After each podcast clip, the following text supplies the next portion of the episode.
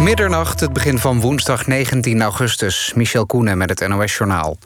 Amsterdam komt toch niet met een dringend advies aan toeristen en dagjesmensen om weg te blijven. Dat stond wel per ongeluk in een brief van burgemeester Halsma die ze namens de veiligheidsregio schreef. Daarin stond dat bezoekers buiten de regio per onmiddellijke ingang worden ontmoedigd om te komen, tenzij hun bezoek aan de stad noodzakelijk is. Een woordvoerder bevestigde eerder dat die klopte, die brief. Later op de avond zei Halsema dat de maatregel als mogelijkheid achter de hand wordt gehouden. Wel wil de burgemeester dat mensen drukke plekken mijden. Winkeliers in drukke winkelgebieden in Rotterdam slaan alarm over de mondkapjesplicht. Ze hebben een brandbrief naar de gemeente gestuurd. Sinds twee weken moet iedereen in de binnenstad, op het Zuidplein en in winkelcentrum Alexandrium zo'n kapje op. Met grote gevolgen volgens de ondernemers. Die zeggen een enorme dip te zien in de bezoekersaantallen. De voorzitter van FC Barcelona heeft bevestigd dat Ronald Koeman vandaag wordt gepresenteerd als de nieuwe trainer van de Catalanen. De Argentijnse sterspeler Lionel Messi zou blijven en moet een van de belangrijkste pijlers van Koemans project worden. En volgens de voorzitter kent Koeman Barcelona goed en begrijpt hij de manier van voetballen. Gisteren heeft Koeman de zaken afgewikkeld met de KNVB. De bondscoach heeft een speciale clausule dat hij mag vertrekken naar zijn droomclub. En in Parijs vieren fans van Paris Saint-Germain dat de club voor het eerst de in de historie zich heeft geplaatst voor de finale van de Champions League. De Fransen waren met 3-0 te sterk voor het Duitse RB Leipzig. Bij rust stond het al 2-0. En vanavond is de andere halve finale. Ook een Frans-Duits onderrondje tussen Olympique Lyon en Bayern München. De finale van de Champions League is komende zondag in Lissabon. Het weer nog. Vannacht koelt het af naar 11 tot 14 graden. Er kan wat nevel of mist ontstaan. Overdag wordt het overwegend zonnig en droog bij 24 tot 28 graden. In de loop van de avond trekt meer bewolking over het land... en dan gaat het ook af en toe regenen. Dit was het NOS Journaal. NPO Radio 1. VPRO.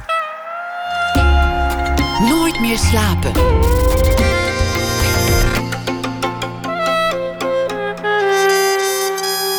Met Pieter van der Wielen. Goedenacht en welkom bij Nooit meer slapen. De stad, maar dan zonder de mensen. Een flatgebouw met iedereen veilig opgeborgen in zijn eigen compartiment. Waren momenten dit jaar dat ik moest denken aan de schilderijen van Tjebbe Beekman. Stadsgezichten, soms angstaanjagend, eenzaam. De vergankelijkheid vastgelegd in dikke lagen met een grove kwast. Het thema van Nooit meer slapen deze week is Big in Japan. Nederlanders die het gemaakt hebben in het buitenland. Beekman is er een van, werkte lange tijd vanuit Berlijn en staat nu aan de vooravond van een grote tentoonstelling in New York. Hoe dat gaat lopen, horen we straks. Zijn werk is ook in Nederland niet onopgemerkt gebleven. Aangekocht bijvoorbeeld door het Stedelijk in Amsterdam en het Museum Voorlinden in Wassenaar. Zijn schilderijen zijn ook vaak verkocht aan particulieren. En soms zelfs voordat het doek gespannen was. Dennis Hopper probeerde er een te krijgen, was boos en gefrustreerd toen het niet lukte. Het gaat kortom in Nooit meer slapen vannacht over succes, glamour, faam, roem. Maar laten we het ook eens hebben over die ene dag dat je zomaar ineens denkt: verdorie, en nu? Waar ben ik eigenlijk? Waarheen? Waartoe? Want die dag is misschien wel interessanter. Tjebbe Beekman dus. Geboren 1972. Tijdje terug alweer. Tjebbe, welkom. Leuk dat je er bent. Dankjewel. Hoe, hoe moet dat eigenlijk met zo'n tentoonstelling in New York? In, in, wat voor fase zit je dan nu? Uh, uh, nooit meer slapen fase. want, je, want het is nog niet af, bedoel je? Nee, het is nog niet af, nee. Er moeten nu nog uh, één drieluik, een groot drieluik van 2 bij 3 moet nog af. En 1, 2, 3, vier kleinere doeken, vier, vijf kleinere doeken hangen er nog. En dat is uh, de deadline is, denk ik, over een week of zeven. Dus die is al uitgesteld, die, die deadline, begrijp ik dan? Nee, uh, nou ja, deels wel. Uh, gelukkig misschien. Dus het zou eerst zou deze maand zou de tentoonstelling overgaan. Um, maar ja, door al dit COVID-gedoe is dat gewoon uh, is het hele programma uh, uh, opgeschoven. Dus nu gaan we naar oktober. Hoop je? Dat is, nee, die staat gewoon vast. Alleen de vraag is of ik erbij ben. Dat, dat denk ik haast niet. Dus je moet dan je doeken opsturen zonder dat je zelf dan bij de opening witte wijn kan drinken. maar, maar hoe werkt dat eigenlijk? Want je hebt die doeken nog niet gemaakt en toch zeggen ze al: dit willen we exposeren. Maar dan willen we er wel zoveel hebben van je. Ja, uh, dat is ook de maat van de galerie. Dus het is een solo tentoonstelling. En die, uh, aan de hand van hoe groot die galerie is, zoveel doeken heb ik nodig om het een beetje te vullen. Heeft het dan ook een titel en een thema? Uh, titel nog niet. Ik ben nog heel erg nou aan het zoeken. En uh, ik heb eigenlijk twee, twee lijnen werk lopen. Eentje gebaseerd op de... heeft een beetje als thema los de zeven hoofdzonden. En een ander gedeelte zijn schilderijen die ik symbioses noem. En dat zijn... Eigenlijk allemaal hebben ze dan een vaste maten. Uh, en... Uh, de Symbiose-serie hangt heel erg op het werk van... tenminste elementen van kunstenaar, andere kunstenaars. Oudere kunstenaars van Rauschenberg tot... wie heb ik allemaal in zitten? Uh, Etienne Martin, uh, van alles door elkaar. En met de elementen van hun werk maak ik nieuw werk. Mijn eigen werk. Picasso meende ik ook in een eerdere reeks te herkennen. Ja, die, ja. die, uh, die zit... gezichten zoals hij ze maakt. Ja, zit in een aantal doeken zit dat verweven, ja, Picasso was nog niet helemaal klaar met hem. en de zeven hoofdzonden, die zijn ook interessant. Ja, dat was een soort die blijven moment. interessant. Ja, denk het wel. En het was in ieder geval een goede uh, leidraad. Ik weet niet, het was een moment dat ik dacht van ja, ik heb nog een andere serie nodig en ik wil iets. En waar staat Amerika of New York voor, weet je wel? En, en ergens uh, zat dat oranje monster Trump in mijn hoofd. En ik dacht, ja, die man die heeft gewoon de zeven hoofdzonden uitvergroot in zich vertegenwoordigd aan alle kanten. Weet je, en ik dacht van dat is een heel leuk thema. En um, de grap is dat het eigenlijk hele uh, vrolijke, liefaardige schilderijen worden en helemaal geen boze dingen. Dus dat vind ik dan wel weer interessant. Michelle Obama die, die zei in haar uh, opgenomen speech voor de Democratische Online Conventie dat Amerika van zichzelf aan het vervreemden was. Dat het leiderschap een spiegel was van wie de Amerikaan was en wie die kon zijn. Ja. En als je het hebt over de zeven hoofdzonden, dan, dan is dat helemaal een mooi thema. Ja. Wie je wil zijn en wie je eigenlijk bent. Ja, die en de zeven wel. zonden zouden niet zo aanspreken als we ze niet allemaal in volle mate zouden bezitten. Precies, we hebben ze allemaal. Hoe, hoe kan het dan dat zonden toch vrolijke schilderijen maken? Ja, dat weet ik nog niet helemaal. je, je, je ging ermee aan de slag, vraatzucht, jaloezie, nou ja, wat, Ja. zijn het? Ja, Luiheid. luiheid. eh, ja, en ergens koppelde dat aan dingen onderweg. Ja, ze zijn nog niet helemaal af, hè, dus ik kan daar. Ik, het is ook lastig om, om, om ze heel goed te analyseren. Maar ergens koppelde het aan dingen die steeds een beetje lichter werden eigenlijk. En dat eh, ja, vond ik eigenlijk ook wel weer prettig om dat te zien. Vraatzucht kan ook heerlijk zijn, luiheid ook. Ja, ik had. En lust, of ik weet niet of lust er één Ja, was. Ja, lust is er ook. Oh, bij, ja? Ja, ja. ja. Ja, ja. en die... Wat, wat had ik daar nou voor aangekomen? Nou, weet ik even niet meer. Maar ja, het worden gewoon vrij lichte schilderijen... in plaats van het zware. Want ik ben benieuwd. Want Ik zat eigenlijk te kijken... en je hebt dan ook nog de zeven deugden. Of misschien moet ik daar ook maar eens aan beginnen. Misschien worden die dan wel weer heel zwaar. Maar Er worden hele nette, klare lijn geordende doeken. Voor, voor rechtschapen burgers die dat aan de muur willen, willen hebben.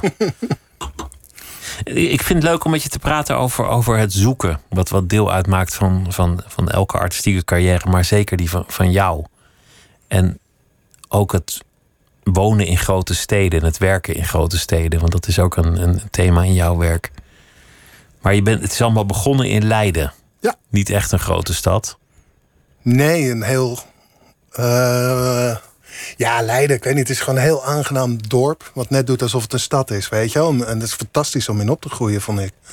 Als ik daar achteraf naar kijk, weet je wel. Het was echt heel kleinschalig. En eh, het is best wel veilig eigenlijk. Maar je kunt het gevoel hebben als, als tiener dat je in een stad woont. En je hebt alles wat een stad heeft, weet je wel. Een soort eh, paradiso met LVC. En eh, allemaal van dat soort plekjes waarvan ik dacht... nou, het was eigenlijk wel een hele prettige plek om op te groeien. Oh, wel een mooi stadje. Ja. Was er, was er thuis kunst? Werd er, werd er geschilderd? Werd je meegesleurd naar musea? Hadden ze, Nee. hadden ze boeken daarover? Wat, wat gebeurde daar? Nee, helemaal niks. Nee, ik kwam uit een, uit een soort arbeidersgezin. Eh, mijn vader die was eigenlijk opgeleid heel jong als stucadoor... maar uiteindelijk eh, was, zijn, was zijn rug vrij snel versleten. Dus die, eh, die is in de avonturen door gaan leren. En dat, Versleten van de zware Precies. zakken met stuk die hij dan eh, de trap ja, het is moest. gewoon echt een hele foute beweging zo boven je hoofd. Veel van die mensen hebben last van hun rug gekregen. Bij hem was het wel extreem. Maar, en, ehm, Ja, die is door gaan leren. Die het, uh, in de avonduren, weet je. En die is uiteindelijk een bouwkundig opzichter geworden. Maar het was niet een gezin wat nou um, uh, iets met kunst had of wat dan ook. Helemaal niet. Maar ik weet niet, ze zagen wel al heel vroeg in dat dat tekenen, dat ik het heel leuk vond om te tekenen. En mijn ouders waren vervente zeilers. Dus ik zat echt al van jongs af aan op de, op de boot. In mijn eentje, ik ben enigst kind. En tegen de verveling zat ik gewoon de hele dag te tekenen eigenlijk, weet je. En dat hadden ze wel heel snel door. Dus mijn moeder die heeft me op een gegeven moment uh, op zo'n cursus gedaan... bij ja, zo'n soort volksuniversiteit. Ik weet niet meer hoe het heet. Misschien weet jij nog hoe dat heet, maar... Ik weet niet. Daar ging de, de Volksuniversiteit waarschijnlijk. Ja, Maakt niet echt uit, maar... Daar ging ik dan... Um, ja, daar ging ik dan op woensdagmiddag tekenen. En dat vond ik echt hartstikke leuk. En, en ja, je had best wel mooi musea in Leiden. Dus, en dat werd altijd wel, weet je, mijn moeder ging altijd met me mee om daar naartoe te gaan. Uh, dus ik heb ze echt allemaal tot in den treuren gezien in Leiden. Lucas van Leiden en het mooie drieluik. Ja, fantastisch. het museum is ook weer heel mooi geworden. Met de hemel en de hel en, uh, en, en dat soort dingen. Maar het kwam eigenlijk voort dus uit verveling. Op een boot lijkt me lastig ja. tekenen op een boot, want dat, dat ja. een beetje. En dan probeer ja, ik zat je aan net... de kaartentafel te tekenen, weet je En dan riep mijn vader, we gaan overstag. En dan hield ik al mijn stiftjes vast. En dan gingen we de andere kant op. En dan kon ik weer verder tekenen. Dat ja, beviel me prima. Je ouders zijn er niet meer, al, al een tijd. Je, je, moeder is, is na een ziekte overleden. Je vader is bij een tragisch ongeluk op zo'n boot om het leven gekomen. Ja, ja, Een ontploffing. Ja, het was heel heftig. Heel bizar. Dus hij... Uh, hij was met vervroegd pensioen en had dus eigenlijk zijn, zijn, zijn droom van we gaan uh, een soort van wereldreis. Hij, is weggevaren en hij dacht ik zie wel waar, ik, uh, waar het schip strandt. Uh, en dat bleek in Mallorca te zijn. voor de kust van Mallorca is er op de een of andere manier brand ontstaan. Hij had me een paar dagen daarvoor wel al gebeld, of een week daarvoor. Dat hij zei van god, ik heb iedere keer ergens een kortsluiting. Ik kan het niet vinden en ik ben aan het zoeken. En schijnbaar heeft er dus ergens iets gevonkt. En nou ja, een boot is toch ook een soort rare buis. En uh, is daar heel veel rookontwikkeling en vuur gekomen. En uh, dat is overgeslagen richting zijn patronen van zijn alarmpistool. En de hele boel is ontploft.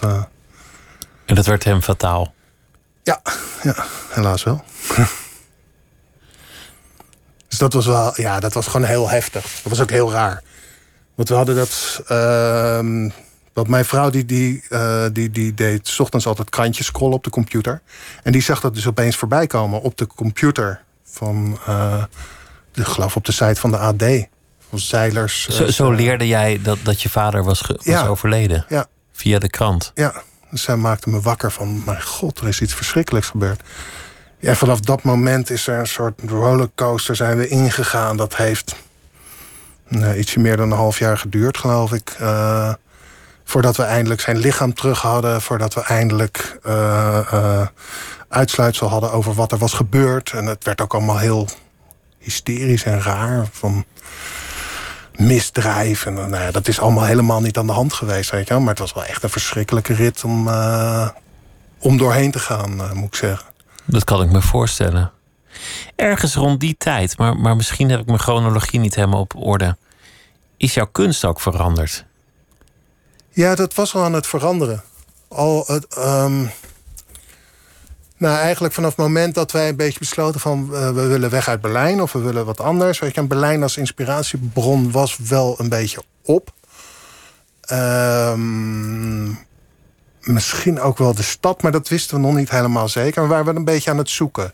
Dus we waren al um, rond Berlijn aan het rondrijden en aan het kijken van zou het wat zijn om op het uh, platteland te wonen rondom Berlijn en Brandenburg. Je kunt daar prachtige huizen uh, vinden voor, voor helemaal niet zo duur. Maar al gauw hadden we zoiets van nee, dat is toch niet onze plek. Uh, toen hebben we zelfs nog met de gedachte gespeeld om naar een Canarisch eiland te verhuizen, naar Lanzarote. dat was ook niet zo'n realistisch plan, bleek. En uiteindelijk werd dat Amsterdam en, en dat terug naar Nederland. En ik was al iets dat ik enorm aan het zoeken was van wat, wat, wat wil ik nou?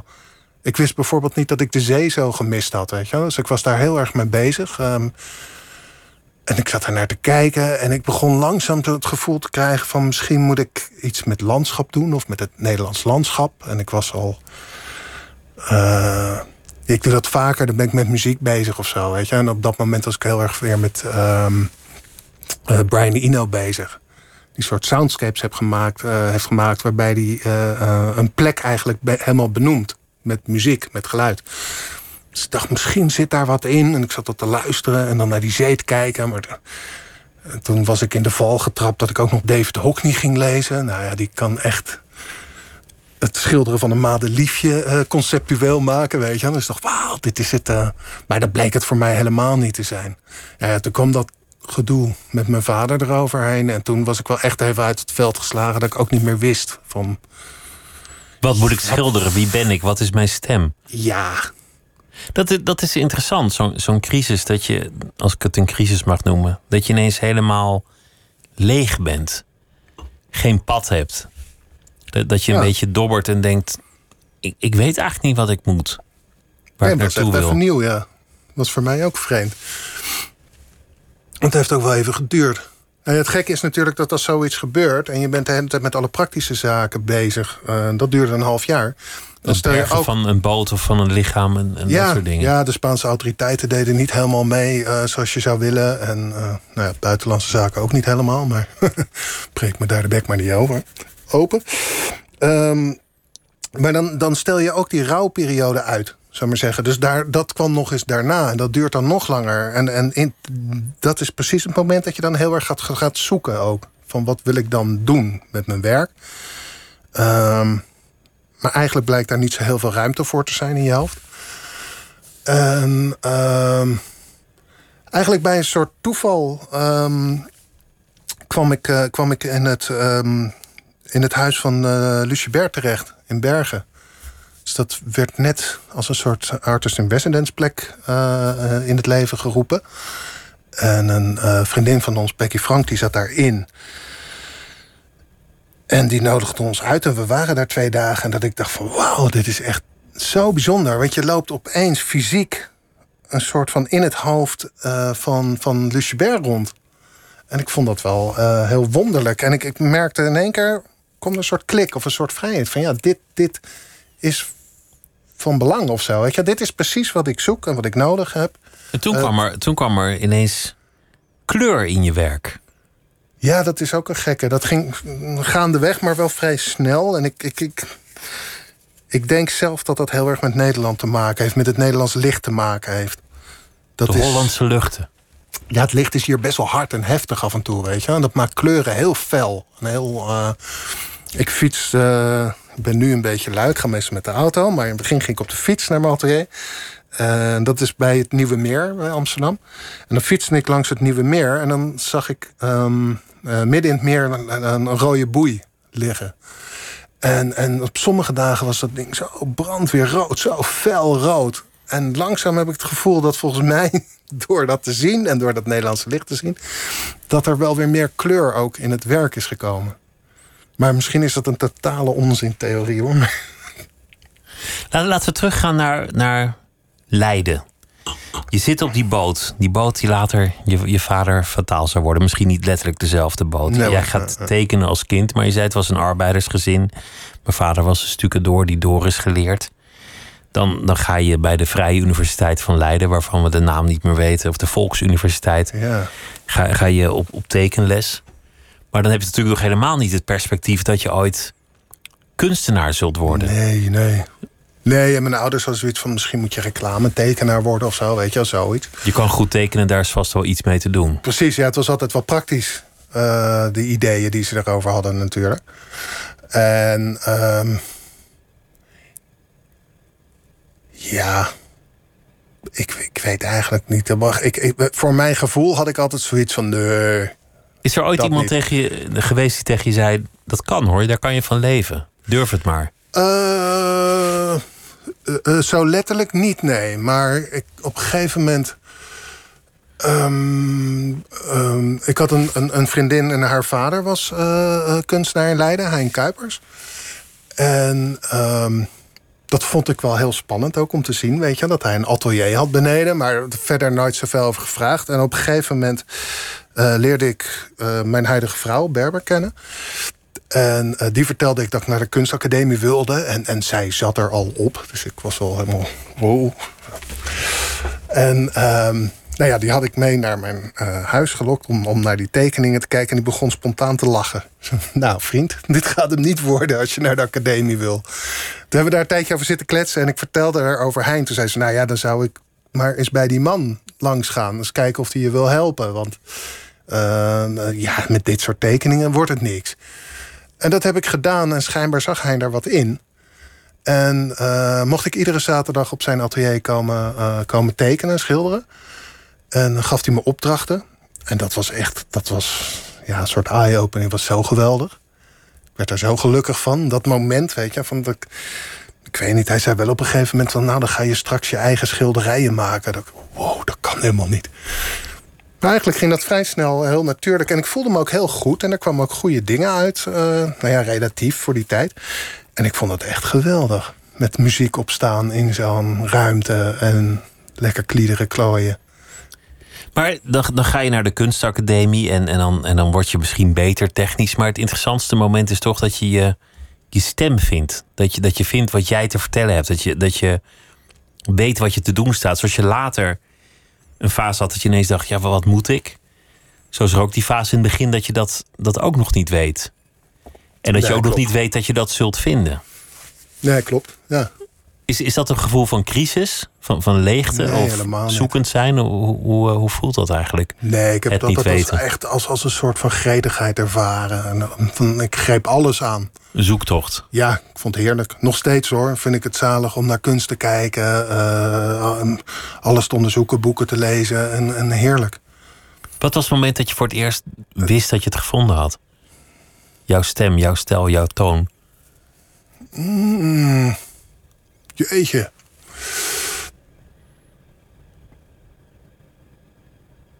Zijn het misschien meerdere momenten geweest? Ik weet het eigenlijk niet. Ik denk dat er wel op de... Uh, nou, er kwam op de Rijksacademie heel erg die omslag. Eigenlijk nog daarvoor.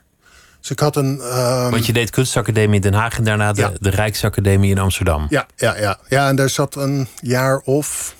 Ik ben altijd heel slecht met, met tijdlijnen en weet ik wel. Ik denk dat er een jaar of vijf, zes zeker wel tussen heeft gezeten. Misschien wel zeven jaar tussen heeft gezeten.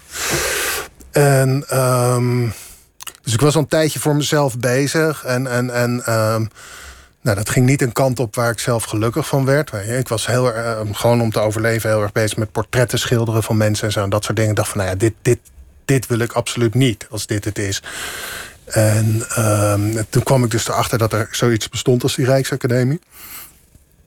Ik dacht van, nou, dat wil ik wel proberen. En eigenlijk vlak daarvoor hadden we, het jaar daarvoor of zo, hadden we het voorrecht opeens kwam dat, viel dat een beetje in ons schoot. Dat we een uh, reis naar Taiwan uh, konden doen, naar Taipei.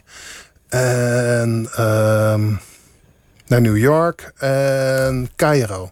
Allemaal hele grote steden. Binnen een half jaar. Ja, en ook zulke diverse steden, weet je. Heel, uh, gewoon totaal cultureel, totale andere plekken natuurlijk. En het was geweldig. En het was net, er waren net digitale camera's en zo. En ik had een opdrachtje voor Sony gedaan en een digitale camera daarvoor in ruil gekregen. Dus ik was enorm aan het fotograferen. En bij thuiskomst heb ik alles in Photoshop gedaan. En daar kwam iets uit wat ik nog niet gezien had. En, en daar werd ik heel vrolijk van. dat was een moment dat ik dacht van... hé, hey, ik heb iets te pakken wat ik eigenlijk nog niet gezien heb... wat ik nog niet ken. En waar ik heel graag mee aan de slag wil. Dus ik denk dat dat een van de omslagpunten is geweest. En dat is op de Rijks nog wel verder uh, uitgediept en, en, en, veel beter geworden. Dat is het, het, werk dat ik als eerste van je leerde kennen. De stadsgezichten. Maar dan niet stadsgezichten zoals je die kent van, van Breitner of zoiets. Maar stadsgezichten die, die dystopisch aanvoelen. Eenzaam. Gebouwen waar, waarvan je ziet dat, dat elk raam een eigen wereld herbergt. Maar die zijn allemaal van elkaar afgesloten. Mhm. Of het zijn gebouwen waarvan je ziet dat er iets aan het vervallen is. En het materiaal is ook dik aangebracht. Soms, soms geborduurd eronder, soms gewoon zand erop gekletterd. Het is, uh, het is heel tastbaar. Ja. Het is, uh, het is soms heel grof. Verschillende stijlen door elkaar. Geïnspireerd ook door foto's die, er, die een soort van er doorheen kan waarnemen. Gefotoshopt ook af en toe. Ja, de, de, de basiscollages die ik ervoor maakte, die maakte ik eigenlijk altijd wel in Photoshop. is op dit moment net iets aan het veranderen. Nu zijn er ook gewoon weer fysieke papiercollages en Photoshop collages door elkaar. Dat, maar ja, dat heeft gewoon een ander. Maar dat was echt heel erg. Uh, ja, ik vond, ze zijn ingewikkeld, die schilderijen ook om te maken, weet je wel. Dus het, het had geen nut om, om zeg maar ergens midden op het vlak te beginnen... en eens kijken waar we eindigen.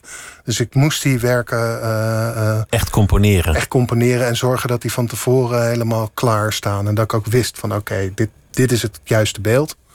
gaan we nu beginnen. En vaak heel groot. Het is interessant om, om dat werk nu opnieuw te bekijken met corona in je achterhoofd. Met, met het beeld van 2020. De verlaten straten dat dat buitenkomen eng wordt gevonden. Door de autoriteiten ontmoedigd. Ga toch vooral niet de straat op. Zorg dat je niet in het café komt. Laat niet te veel buren binnen. Allemaal terugtrekken in je eigen compartiment. Allemaal terugtrekken in je eigen veilige holletje. Achter die muur. Het is, bijna, het is bijna alsof die, die schilderijen daarover gaan. Ook al zijn ze tien jaar oud. Uh, nou ja, daar gaan ze deels over. Ja. Dus het ging eh, heel erg. Ik ik was geïnspireerd in ieder geval ook door, door Lieve de Counter met zijn capsulaire beschaving, een Belgische filosoof. En uh, je had in Duitsland had je op dat moment uh, uh, Peter Sloterdijk met sferen. En dat ging eigenlijk allemaal over hetzelfde inderdaad. Van mensen die zich in, in, een soort bubbeltjes bevinden en bewegen. zij het een sociale bubbel, maar ook een fysieke bubbel van een gebouw of een shoppingmall of dat soort dingen. En dat, dat, dat was vond ik wel een fascinerend iets. Dus ik denk dat het heeft daar wel mee te maken. gekke vond ik namelijk dat de eerste reactie op, op COVID was dat iedereen heel aardig werd en heel relaxed. En iedereen ging opeens met de buren praten. Tenminste, bij ons in de buurt wel. Wat daarvoor helemaal niet zo was. Dus ik heb het.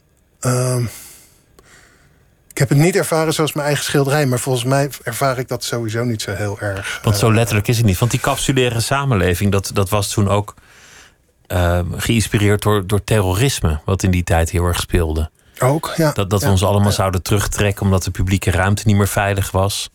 En dat we eigenlijk allemaal van elkaar vervreemden. Ja, en, en deels is dat op een manier uitgekomen en, en, en, en doorgetrokken. wat ik niet gedacht had, niet gehoopt had. Uh, wat wel gebeurd is, zeg maar met Trump en, en dat soort figuren. En steeds meer inderdaad terugtrekken achter de eigen grenzen. En, en ja, dat is best wel schrikbarend. Ja, met, met die muur met Mexico. En we zijn er steeds meer mee bezig.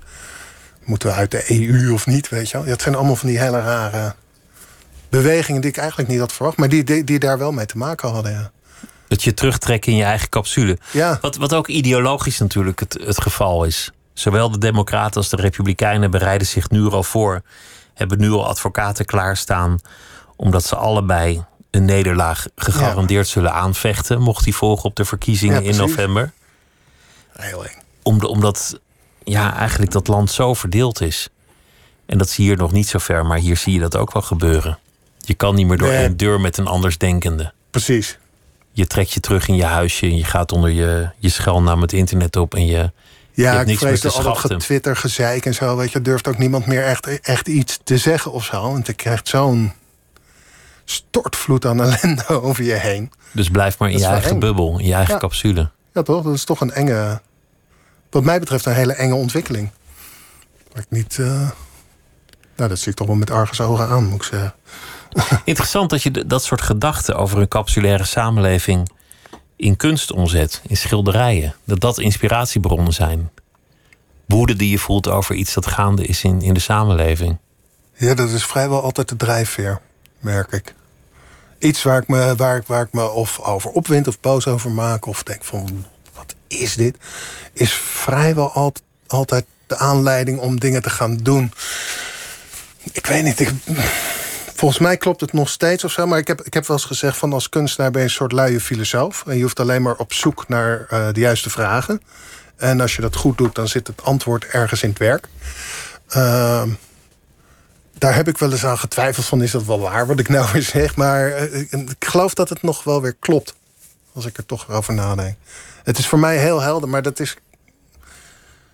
Ik weet niet, hoe, dat is denk ik hoe ik in elkaar zit. Maar ik, ik, ik, ik, ik denk heel erg in beeld. Ik denk makkelijker in beeld dan in, uh, in taal in die zin. Dus gedachten zet je ook makkelijk om in beeld? Ja, ik associeer dingen makkelijker met beeld. Uh, gedachten zet ik eerder om in beeld. Ja. Je bezocht een aantal grote steden in één jaar. En toen, toen ging je werk ook ineens over, over steden. Toen kwam je ook te wonen in Berlijn, waar je, waar je heel veel werk hebt gemaakt. Ja, dat was iets later, ja. ja. En, en sommige van die gebouwen, dan, dan zie je aanvankelijk gewoon een vervallen gebouw, een soort kantoorpand. En pas later leer je dat het een oud hoofdkantoor is van de communistische partij of een, of een oude communistische krantenredactie. Of dat er op andere manieren geschiedenissen in herbergen, het nazi-archief. Ja, ik was daar heel erg mee bezig, met dat soort plekken opzoeken. Maar die, die, daar struikel je ook over in Berlijn. In Berlijn. Ja. Dat zo'n zo'n beladen stad is in die zin. Ja, het is echt heel bizar. Ik bedoel, de, de, de, de geschiedenis ligt letterlijk voor je op de, op de grond, weet je wel, op je, voor je voeten. En daar struikel je over. Uh, en dat vond ik wel mateloos interessant, ja. En, en, en, inspirerend. Zoals Armando de, de bomen bij Auschwitz schilderde als schuldig landschap, zodat jij schuldige gebouwen, schuldige stenen. Ja, misschien wel. Ja, ja misschien ook meer met Armando. Denk ik toch. Nou ja, ik vond die boeken van hem altijd te gek van, uh, over Berlijn. Maar dat is weer een andere. Nee, ja, tuurlijk. Dat was wel interessant om te zien. Ik heb er wel veel mee gedaan, ja. Ik vond, nou, het was wonderlijk, omdat je ergens loopt... en alles is het dagelijks leven, alles is normaal en dat is fijn en is mooi. En dan denk ik, god, wat, ergens heeft een gebouw een uitstraling... of er is iets mee of zo. En dan ging ik langzaam uitzoeken van wat, wat is daar dan? Ik geloof dat een van de eerste schilderijen... ging over uh, Neues Duitsland... En dat was dan de, uh, de staatskrant van de DDR. En de buurt waar ik woonde, daar, daar bleek dus dat gebouw te staan die, waar die krant gemaakt werd. En daar zat op dat moment zaten daar, ik geloof, een soort privé-detective bureau en een Turkse kaartclub. En het was een heel raar gebouw, weet je, met een hele rare functie. En, en mm, met een soort raar modernistisch luifeltje. Wat is dit? Dus ik vond het wel interessant, weet je. En ik was dat aan het uitzoeken, een beetje uh, wat voorbereiding... om daar misschien een schilderij van te maken. En toen kwam ik langzaam daarachter dat dat inderdaad dus die plek was... van die krant. En toen hoorde ik een verhaal, en er staat er tegenover zo'n zo'n plattenbouwflat. En toen hoorde ik een verhaal van een man die daar werkte. En... Um, uh, die was homoseksueel. En, en naar, in ieder geval had hij zelf het idee dat hij daardoor nooit hoger op kwam in die krant en in, dat bedrijf. En, um, en die had zo genoeg van dat bedrijf, en die woonde daar nog steeds, dat hij allemaal planten voor zijn raam had gezet. Echt enorm veel, zodat hij dat gebouw niet hoefde te zien. Zo had ik eigenlijk twee schilderijen in één. Dus ik, had, ik kon aan die Neues Duitsland beginnen en aan het verhaal van die man. En, en daar kwam ook een, een soort gevelschilderij uit. Die, ja, dat werkte heel mooi bij elkaar. En dat past ook heel goed bij elkaar. En dat is voor mij de aanleiding om het te doen, weet je. Maar dat hoeft niet per se um, uh, voor de kijker ook uh, dat verhaal heel duidelijk te zijn. Het hoeft niet zo letterlijk te worden. Nee, helemaal niet. Ik had het schilderij ook New Germany genoemd. Omdat we dan toch in een heel ander ding... En we kijken ook weer anders naar die krant. En uh, naar die waarheid. Dus ik vond, ja, dat vind ik dan wel interessant om wat mee te doen. Wel mooi, iemand die, die letterlijk fysiek de kwade herinnering elke dag buiten zijn venster heeft. Ja, prachtig. Die elke ochtend de gordijnen open wel verzorgd. En ziet waar zijn carrière is gestrand. Ja. Zo, zo is er ook, ook zo'n verhaal van iemand die elke dag naar de gevangenis keek. toen hij weer vrij was, waar hij twintig jaar ten onrechte had vastgezeten. Dus moet je er ook niet aan denken. Dat, dat je dan juist daar gaat wonen. je hebt muziek meegenomen van John Coltrane. En um, dat is natuurlijk een van de allergrootste artiesten van de, van de vorige eeuw. Ja. Een soort Picasso die zichzelf ook keer op keer opnieuw heeft uitgevonden. Precies. En twee jaar terug kwam er ineens een, een LP boven water die ergens in een, in een kluis lag. Die ze vergeten waren uit zijn hoogtijdagen. Beetje alsof de Beatles nog een, nog een extra Sgt. Peppers hebben, hebben klaar liggen. Ja, hij is ook echt geweldig goed, die plaat. Ja, dat is echt wel wonderlijk. En dit stond erop, is een, een, een stukje van Nat King Cole. Nature Boy. Daar gaan we naar luisteren. Oké. Okay.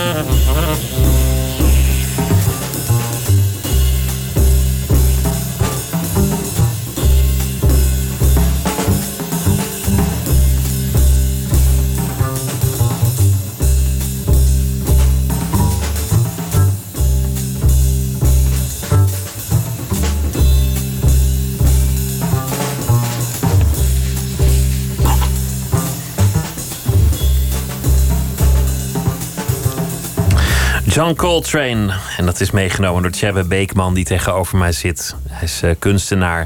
En hij heeft uh, binnenkort een expositie. In oktober zal dat zijn in New York. Werk dat nog niet af is, dat zal gaan over de zeven hoofdzonden. Want het thema in Nooit voor Slapen is deze week Big in Japan. Mensen die het gemaakt hebben in het buitenland. Niet dat hij hier uh, geheel onbekend is gebleven. We begonnen in Leiden, waar je opgroeide. En waar je op de boot van je ouders tekende. De boot waarop je vader, althans die zou op een andere boot waarschijnlijk Ja, ja. om het leven komen. En zo kwamen we te spreken over wat het is om ineens niet meer te weten waar je naartoe gaat. En om je eigen stem en, eh, en toon te vinden in de kunst. Weten wat je te doen staat. Steden hebben we het over gehad, waar veel van je werk over ging. En je vertelde ook dat je uiteindelijk in het, eh, in het atelier in, in Bergen van uh, weer eh, richting zou vinden. Misschien ook wel geïnspireerd door het Hollandse licht en door de kleuren die je hier weer eh, hebt gevonden. Wat ik, wat ik interessant vind, want je, je zei ik gebruik ook veel citaten van andere kunstenaars. Dat je zo'n heel particuliere weg be- bewandelt, zoekend naar je eigen stem. En dan ineens terechtkomt in de kunstgeschiedenis. Dat je ineens in dialoog blijkt te staan met grootheden die je in, in dat métier voorgingen. Hoe werkt dat eigenlijk? Nou ja, dat ben ik nu een beetje aan het onderzoeken, eigenlijk. Dus ik vraag me af, ik heb er, ik heb er deels over nagedacht, deels ook niet. Want ik, omdat ik nog in het proces zit van het maken eh, en het doen, ehm, is het voor mezelf nooit zo goed aan te raden om daar heel erg te gaan analyseren. Want dan ga ik mezelf in de weg zitten. Met woorden. Ja, met woorden en gedachten. En dan ga ik opeens heel erg eh, eh, naar een concept toeschilderen of zo. En dan krijg je een soort plaatje bij een praatje wat helemaal niet klopt of zo. Weet je? En dan ga ik voorbij aan, aan eh, wat kunst maken is. Ehm, ik weet niet, ik had een gesprek laatst met een vriend. En dat ik zei van, volgens mij heeft het ook wel deels te maken met een... ehm, Weet je, het is omdat ik niet meer begrijp waar we heen gaan met Trump en dat gedoe en al die dingen. eh, en, en het niet zo goed kan duiden. En bij die capsulaire beschaving en zo had ik hele duidelijke. eh, ehm, Iconische eh, ehm, eh, voorbeelden. Weet je, zo'n stock exchange, dat staat ergens voor. En dat, dat vertelt meteen een verhaal. En daar kwam ik nu even niet meer op uit. En ehm, toen dacht ik, nee, dan, dan, dan ligt de sleutel om te begrijpen wat er nu gebeurt, ligt ergens in het verleden. En daar moet ik in zoeken. En omdat ik zelf ook persoonlijk dus in, die, in, de, in de knoop zat, gewoon door, door het overlijden van mijn ouders. ehm, kwam ik erop terug van, hey, ja, en dat Lucie Berhuis van, van het atelier en de kunsten, dat is dus hetgeen wat voor mij eh, altijd blijft bestaan en wat heel belangrijk is. En, en eh, wat me op de been houdt en wat me eh, ja, een soort, soort voet of, of levensvreugde geeft, whatever. Ehm, en, en ik was daarmee bezig en ik, was, ik zat erover na te denken laatst. En toen dacht ik van ja, het is ook ergens om, om die, eh, die voorbeelden te gebruiken, is ook een soort, misschien een soort, soort eh, pleidooi tot beschaving of zo. Weet je wel? Van, van, We staan in een traditie. We komen niet zomaar uit de lucht vallen. ja, En dat En is ook een beschaving. dat, dat soort figuren, Trump en Baudet, en dat, ze- dat die dat zo overboord willen gooien of zo, weet je wel? Wel heel erg teruggrijpen naar de klassieken. Ze spelen bij, nou, op Trump na spelen, Trump is een buitencategorie, maar ze spelen allemaal piano. En, eh, Ja, ik weet niet of, het, Ik ik heb weet niet of Baudet zelf zou zeggen dat hij, dat hij iets tegen de beschaving heeft. Ik denk nou dat ja, hij hij juist heeft zou wel zeggen... meteen geroepen natuurlijk van de kunstenaars. eh, eh, eh, wat was dat denk ik weer, die speech van hem? Dat hij het inderdaad had over dat ze... Dat, Schieten tekort, zei hij. Ja, ja. Ja, en dat is gewoon niet aan ons. Weet je het is niet aan ons in ons tijdsgevricht om te zeggen van dat, eh, wat er gemaakt wordt, dat klopt of klopt niet. Of, dat kan je wel heel makkelijk achteraf zeggen. En dan pas veel verder achteraf misschien. Maar de- ik heb ook wat gevoel dat het een soort scharnierpunt in de tijd is. Dat, dat er iets, iets groters gaande is. Ik merk bij iedereen een soort denken in oplossingen. Als er maar een vaccin is, dan zijn we hier vanaf. Of als, eh, als die verkiezing maar door, door, eh, door die of die wordt gewonnen, dan, zijn, dan is het allemaal opgelost. Zijn we terug bij het oude. Het Als de economie straks weer loopt. En het is een soort magisch denken. Dat die grote, diepgaandere ontwikkeling, die, die ik ook niet begrijp, dat die zich nog laat keren. Dat, dat alles Ja, weer het- gewoon pais en vrees zal zijn als dat simpele oplossingje er is. Ja, dat is natuurlijk niet zo. Nee, er moet een we- moment komen dat we weer samenkomen. Dat we weer met elkaar in dialoog gaan en op de een of andere manier weer ook eruit komen met elkaar. Want schijnbaar zijn er meerdere stromingen op het moment. Misschien is het wel het verschrompelen van een beschaving. Om het maar lekker groot te maken. Ja, het is best treurig, toch? Ja. het mooie is dat, dat, je, dat je je vragen kan stellen. Je gevoel kan laten spreken en je intellect. En dat je het in beeld omzet en niet in een opiniestuk. Dus je hoeft het niet helemaal met een kop en een staart uitgevogeld te hebben. Ja, gelukkig. Godzijdank, dat kunnen anderen veel beter. Ja, Dat kan kunst doen. ja. Maar ja, het is, kunstleven werkt op een hele andere manier natuurlijk. Veel intuïtiever.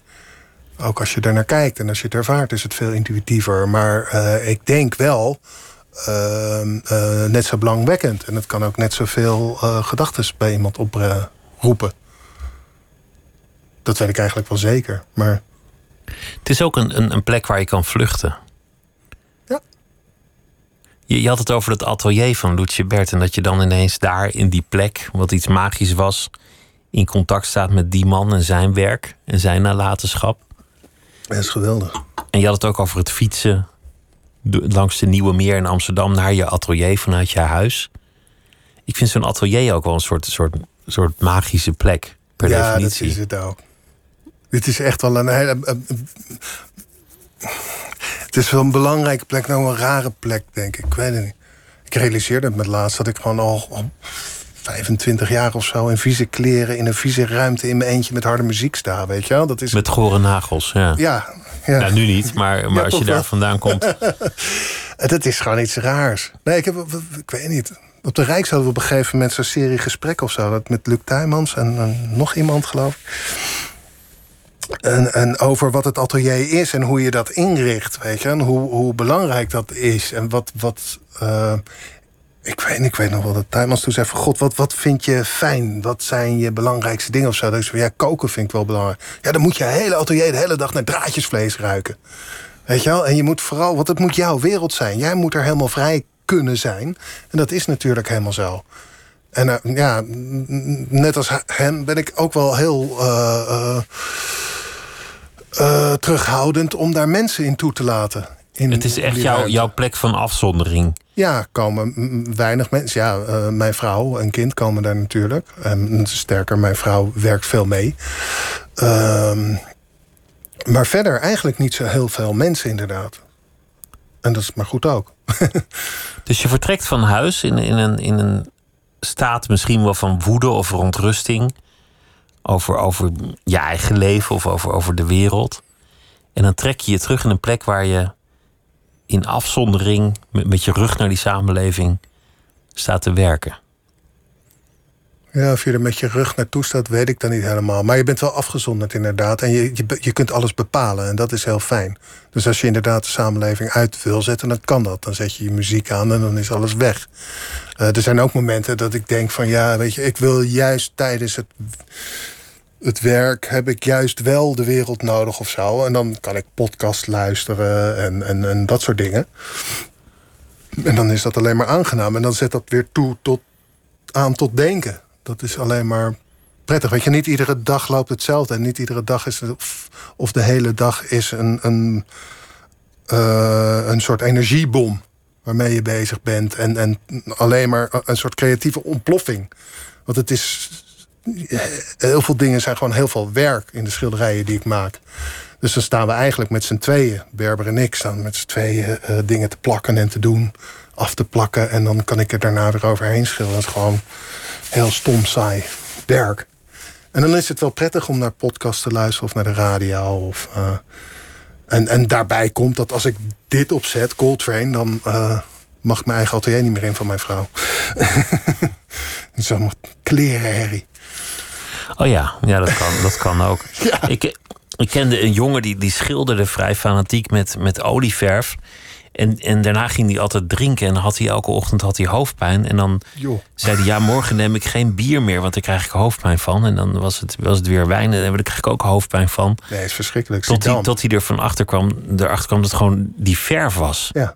Waar hij elke ochtend pijn van in zijn, in zijn, in zijn daar ben ik op de. Rijksacademie inderdaad achter gekomen. Vooral omdat ik met, met olieverf werkte en ik wilde daar dan ook nog plassen lak op gooien. En dat waren dan nog giftigere lakken, want die moesten dan vloeibaar zijn. En dus op een gegeven moment uh, viel ik gewoon om. En toen heb ik aan, aan de bel getrokken. Bij, er zit zo uh, Arend zit beneden, is een verfprofessor. Die ze daar is echt geweldig, die man. En, en dat vertelt van nou, dit gaat niet goed. Koppijn, duizelig. Ik, ik, ik, ben, ik dacht dat ik in slaap was gevallen, maar dat was toch wel wat anders, denk ik. Weet je wel? En dat is gewoon echt niet goed. Ze zijn we op jacht gegaan om alles uh, op waterbasis te gaan doen. Ze zijn helemaal uit gaan zoeken van wat voor spullen heb je dan nodig om hetzelfde te bereiken, maar dan op waterbasis. En dat was eigenlijk geweldig, want het droogt sneller. Het is stugger en het doet mij eigenlijk alleen maar goed om, uh, om met dat materiaal te werken. Want dan kan je niet meer te lang smeren. Dan moet je sneller beslissen. Ja. Want, en want het werkt een olie kan je, tegen, kan je nog denken, ik- nou klodder het nog een beetje weg. Ja. ja, en daar kon ik mezelf in verliezen. Door op de vierkante millimeter kan je door blijven rommelen. We zitten nu allebei met handjes in, Ja. in, in de lucht. Iets fictiefs te schilderen op de radio. Je zou de hele geschiedenis van de kunstgeschiedenis kunnen herschrijven vanuit, vanuit de verf. Vanuit pigmenten en materialen. Dat zou wel eens een interessant verhaal zijn, denk ik. Ja. Kijk, kijk hoeveel je kan verklaren in plaats van de filosofie en de, de artistieke worsteling.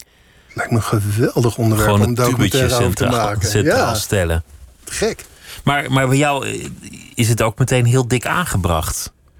Wat je maakt. Niet, niet meer in deze fase, geloof ik, maar in eerdere fases mocht het. Mocht ja, het is nu ook nog wel steeds wel weer heel dik. Ja. Dat is ook een soort, ik weet niet, is een intuïtief ding. Om, te- om het gewoon lekker. Het is ook heel lekker. Ja, ik hou wel van verf, echt.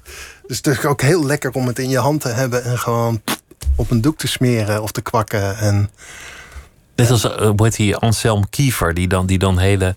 ja, dat vond Materialen ik eronder legt. schilderen was dat wel een van de helden natuurlijk toen ik dat zag. Wauw, dat dit ook kan. Weet je eronder borduren of, of gewoon materialen eronder leggen. Heel veel, ja, heel veel papier en, en, en, en dingen gebruikt Kiefer. En, en stro en troep. En, ja, te gek. En heel groot, want hij heeft, hij heeft een tijdje nu ja, niet meer, geloof ik, het, man. dat, dat oude warenhuis in Parijs tot zijn beschikking gekregen. Dat, dat Samaritain. Dat die doeken zo groot werden dat hij ze nergens meer kon stallen. Zeiden ze, nou dit staat leeg, dat is toch failliet. Mag, mag jij daar je doeken zetten? Het is toch Het werd, werd maar groter en groter. Ja, dat heb ik één keer gehad, maar dat, dat is niet. Nee. Ik weet niet, ik had op een gegeven moment in Berlijn echt een heel groot atelier. Dat was, geloof, een meter of zes hoog en, en, en 250 vierkante meter of zo. Echt belachelijk. En dat leek heel echt en heel geweldig. Maar die doeken werden dus inderdaad ook zo groot dat ze nergens meer konden hangen. En, en, en ik was ook alleen maar met die ruimte aan het vechten. Het sloeg ook helemaal nergens op. Dus ik ben wel veel blij met het atelier wat ik nu heb. Wat, wat wel groot is nog steeds. En, en, en oké. Maar het is in twee delen opgedeeld. Weet je. En dat is allemaal best wel van belang. Dus ik kan, ik kan in dit atelier blijven. Dus het is ook geen tijdelijke plek.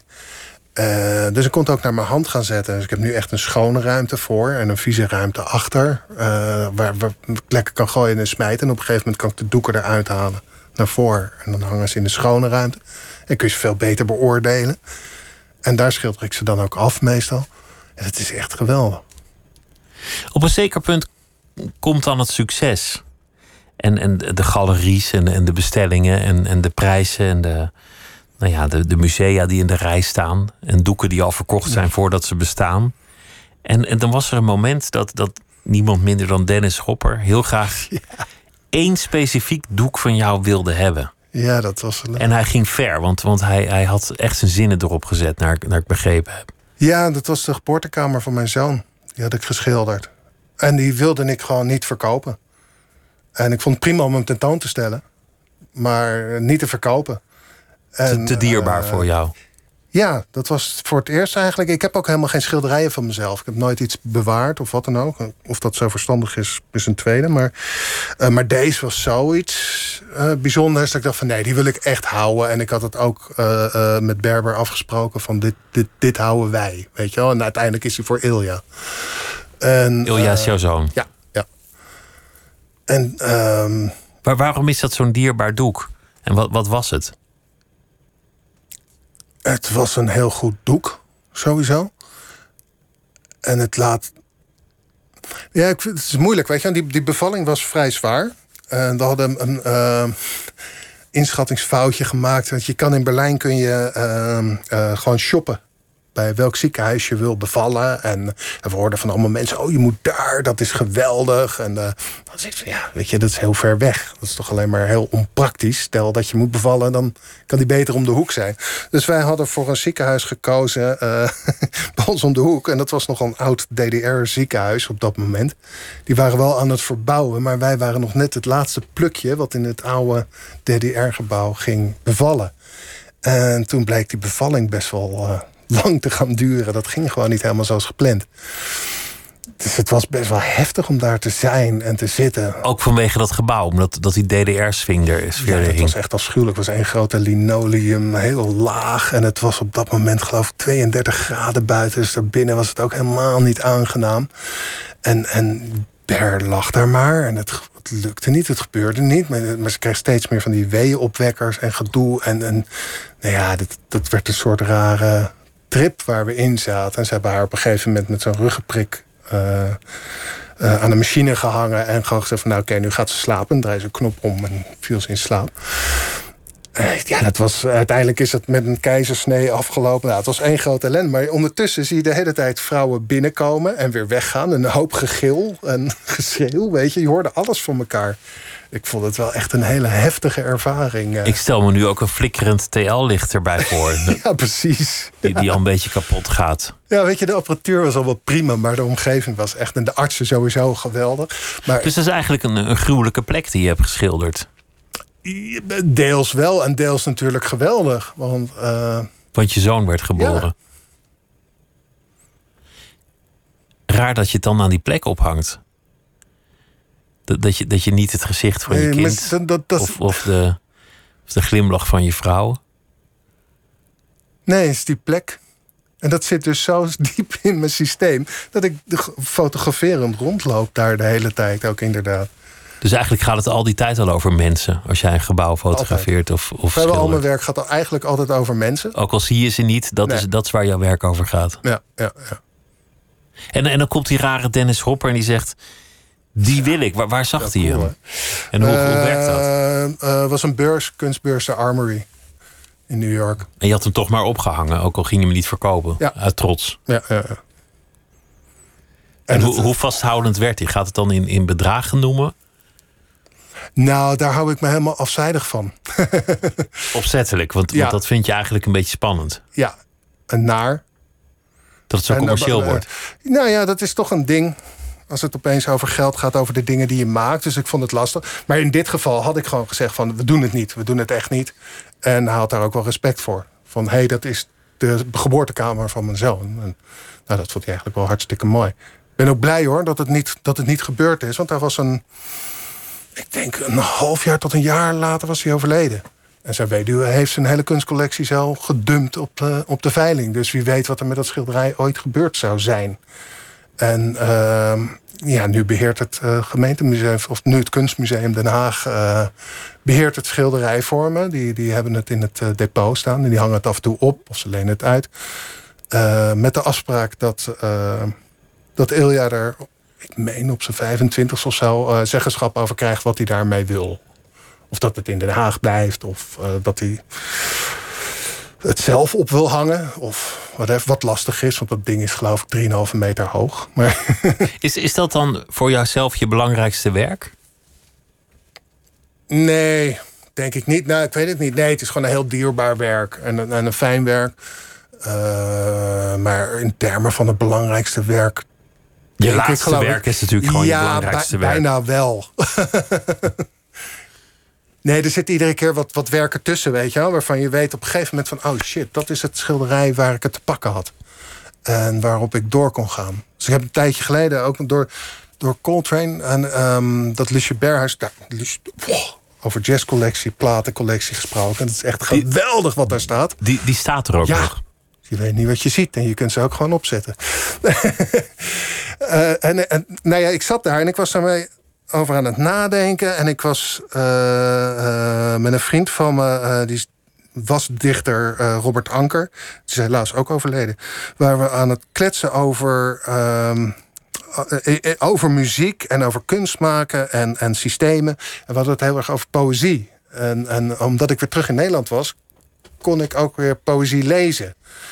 Uh, want hoe, ja, hoe goed je Duits ook is of zo, weet je, dat soort nuances of spel met taal is, is heel lastig om te vatten.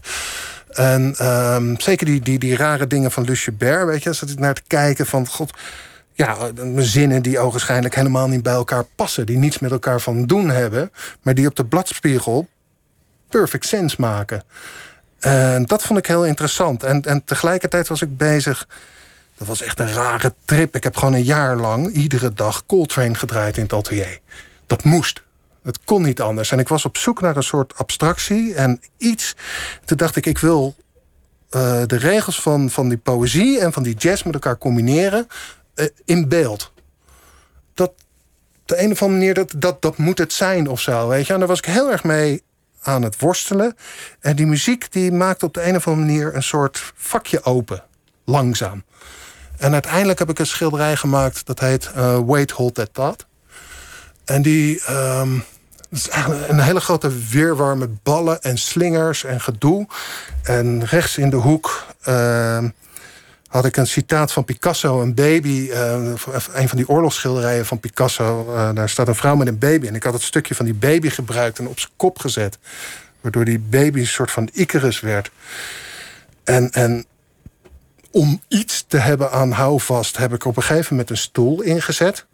En op de een of andere manier zou je kunnen zeggen van je kunt op die stoel zitten en dik naar rechts lopen naar die, naar die, naar die dat doekje van die baby van Picasso. Maar dan is de weg terug nog wel enorm lang of zo naar die stoel. En op de een of andere manier, ik was heel blij toen het af was, het schilderij. En een vriend van mij die kwam langs en die is uh, muzikant en componist. En die, die, die keek daarnaar. Die zei, god, Chappie, heb je een beetje veel naar Coltrane geluisterd? Jezus, man. Ja, klopt. Geweldig. En toen zaten we te praten en hij zei van... ja, weet je wat met Coltrane is? Die composities van Coltrane die draaien eigenlijk altijd om één noot. Maar die noot, die speelt hij nooit. En dat, is, dat, dat is in dit schilderij. Ja, dat was een geweldige opmerking, toch? Tjebbe Beekman, dank je wel dat je langs wilde komen. Het was uh, leuk om met je te praten. Dit was Nooit meer slapen. Dank je. Op Radio 1, het nieuws van alle kanten.